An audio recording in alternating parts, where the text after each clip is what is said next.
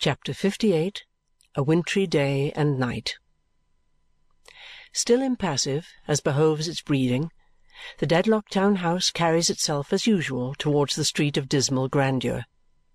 There are powdered heads from time to time in the little windows of the hall, looking out at the untaxed powder falling all day from the sky; and in the same conservatory there is peach blossom turning itself exotically to the great hall fire from the nipping weather out of doors. It is given out that my Lady has gone down into Lincolnshire, but is expected to return presently. Rumour, busy overmuch, however, will not go down into Lincolnshire. It persists in flitting and chattering about town. It knows that that poor unfortunate man, Sir Leicester, has been sadly used. It hears, my dear child, all sorts of shocking things. It makes the world of five miles round quite merry. Not to know that there is something wrong at the Dedlocks is to augur yourself unknown. One of the peachy cheeked charmers with the skeleton throats is already apprised of all the principal circumstances that will come out before the Lords on Sir Leicester's application for a bill of divorce.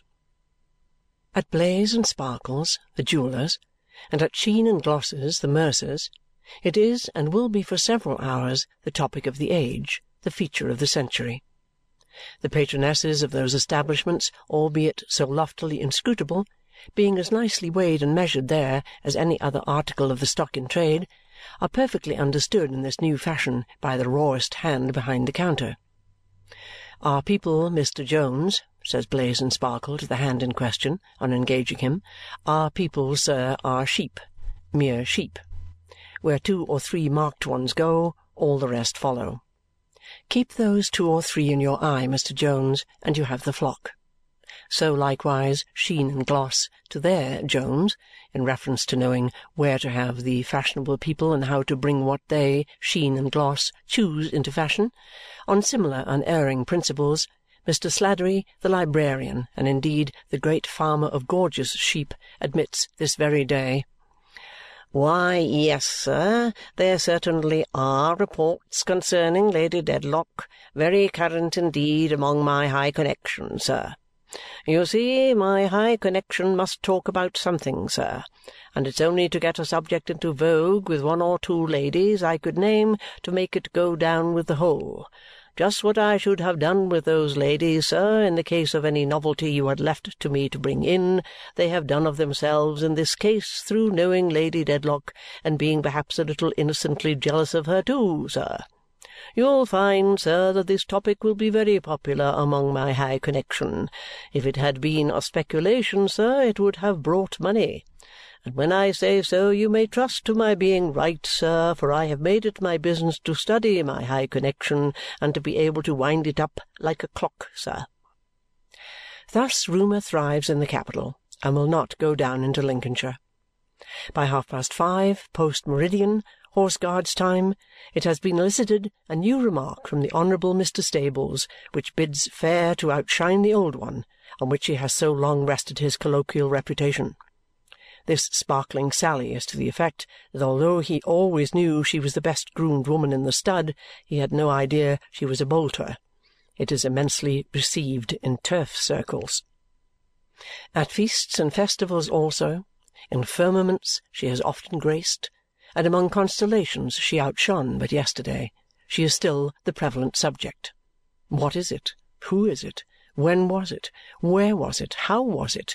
She is discussed by her dear friends with all the genteelest slang in vogue, with the last new word, the last new manner, the last new drawl, and the perfection of polite indifference. A remarkable feature of the theme is that it is found to be so inspiring that several people come out upon it who never came out before, positively say things. William Buffy carries one of these smartnesses from the place where he dines down to the house, where the whip for his party hands it about with his snuff-box to keep men together who want to be off, with such effect that the speaker, who has had it privately insinuated into his own ear under the corner of his wig, cries "Order at the bar!" three times without making an impression. And not the least amazing circumstance connected with her being vaguely the town talk is that people hovering on the confines of Mr. Sladdery's high connexion, people who know nothing and ever did know nothing about her, think it essential to their reputation to pretend that she is their topic too and to retail her at second hand with the last new word, and the last new manner, and the last new drawl, and the last new polite indifference, and all the rest of it, all at second hand, but considered equal to new in inferior systems and to fainter stars. If there be any man of letters, art, or science among these little dealers, how noble in him to support the feeble sisters on such majestic crutches! So goes the wintry day outside the Dedlock mansion. How within it? Sir Leicester, lying in his bed, can speak a little, though with difficulty and indistinctness. He is enjoined to silence and to rest, and they have given him some opiate to lull his pain for his old enemy is very hard with him. He is never asleep, though sometimes he seems to fall into a dull waking doze. He caused his bedstead to be moved out nearer to the window when he heard it was such inclement weather, and his head to be so adjusted that he could see the driving snow and sleet. He watches it as it falls throughout the whole wintry day. Upon the least noise in the house, which is kept hushed, his hand is at the pencil. The old housekeeper, sitting by him, knows what he would write and whispers, "No, he's not come back yet, Sir Leicester. It was late last night when he went. He has been but a little time gone yet." He withdraws his hand and falls to looking at the sleet and snow again until they seem, by being looked at, to fall so thick and fast that he is obliged to close his eyes for a minute on the giddy whirl of white flakes and icy blots. He began to look at them as soon as it was light. The day is not yet far spent when he conceives it to be necessary that her rooms should be prepared for her. It is very cold and wet. Let there be good fires. Let them know that she is expected. Please see to it yourself. He writes to this purpose on his slate, and Mrs. Rouncewell, with a heavy heart, obeys. "For I dread, George," the old lady says to her son who waits below to keep her company when she has a little leisure. "I dread, my dear, that my Lady will never more set foot within these walls." "That's a bad presentiment, mother." "Nor yet within the walls of Chesney Wold, my dear." "That's worse. But why, mother?" "When I saw my Lady yesterday, George, she looked to me and I may say at me too, as if the step on the Ghost's Walk had almost walked her down. Come, come! You alarm yourself with old story fears, mother. No, I don't, my dear. No, I don't. It's going on for sixty year that I've been in this family, and I never had any fears for it before. But it's breaking up, my dear, the great old Dedlock family is breaking up." "I hope not, mother." "I am thankful I have lived long enough to be with Sir Leicester in this illness and trouble, for I know I am not too old nor too useless to be a welcomer sight to him than anybody else in my place would be. But the step on the Ghost's Walk will walk my Lady down, George. It has been many a day behind her, and now it will pass her and go on."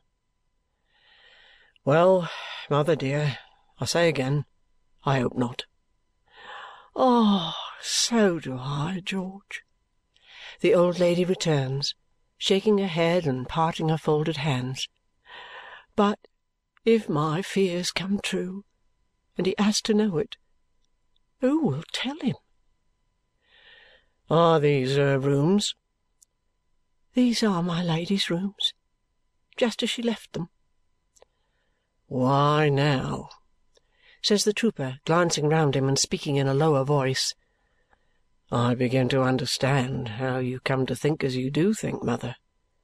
Rooms get an awful look about them when they're fitted up, like these, one person you are used to seeing them, and that person is away under any shadow let alone being God knows where. He is not far out. As all partings foreshadow the great final one, So, empty rooms, bereft of a familiar presence, mournfully whisper what your room and what mine must one day be. My Lady's state has a hollow look, thus gloomy and abandoned, and in the inner apartment where Mr. Bucket last night made his secret perquisition, the traces of her dresses and her ornaments, even the mirrors accustomed to reflect them when they were a portion of herself, have a desolate and vacant air. Dark and cold as the wintry day is, it is darker and colder in these deserted chambers than in many a hut that will barely exclude the weather and though the servants heap fires in the grates and set the couches and the chairs within the warm glass screens that let their ruddy light shoot through to the furthest corners, there is a heavy cloud upon the rooms which no light will dispel. The old housekeeper and her son remain until the preparations are complete, and then she returns again upstairs. Volumnia has taken Mrs. Rouncewell's place in the meantime, though pearl necklaces and rouge pots however calculated to embellish Bath, are but indifferent comforts to the invalid under present circumstances. Volumnia, not being supposed to know, and indeed not knowing, what is the matter, has found it a ticklish task to offer appropriate observations and consequently has supplied their place with distracting smoothings of the bed linen, elaborate locomotion on tiptoe, vigilant peeping at her kinsman's eyes, and one exasperating whisper to herself of he is asleep. In disproof of which superfluous remark Sir Leicester has indignantly written on the slate, I am not. Yielding, therefore, the chair at the bedside to the quaint old housekeeper, Volumnia sits at a table a little removed, sympathetically sighing. Sir Leicester watches the sleet and snow and listens for the returning steps that he expects. In the ears of his old servant looking as if she had stepped out of an old picture frame to attend a summoned Dedlock to another world, the silence is fraught with echoes of her own words. Who will tell him? He has been under his valet's hands this morning to be made presentable and is as well got up as the circumstances will allow. He is propped with pillows, his grey hair is brushed in its usual manner, his linen is arranged to a nicety, and he is wrapped in a responsible dressing gown. His eye-glass and his watch are ready to his hand. It is necessary, less to his own dignity now perhaps than for her sake, that he should be seen as little disturbed and as much himself as may be. Women will talk, and Volumnia, though a Dedlock, is no exceptional case. He keeps her here, there is little doubt, to prevent her talking somewhere else.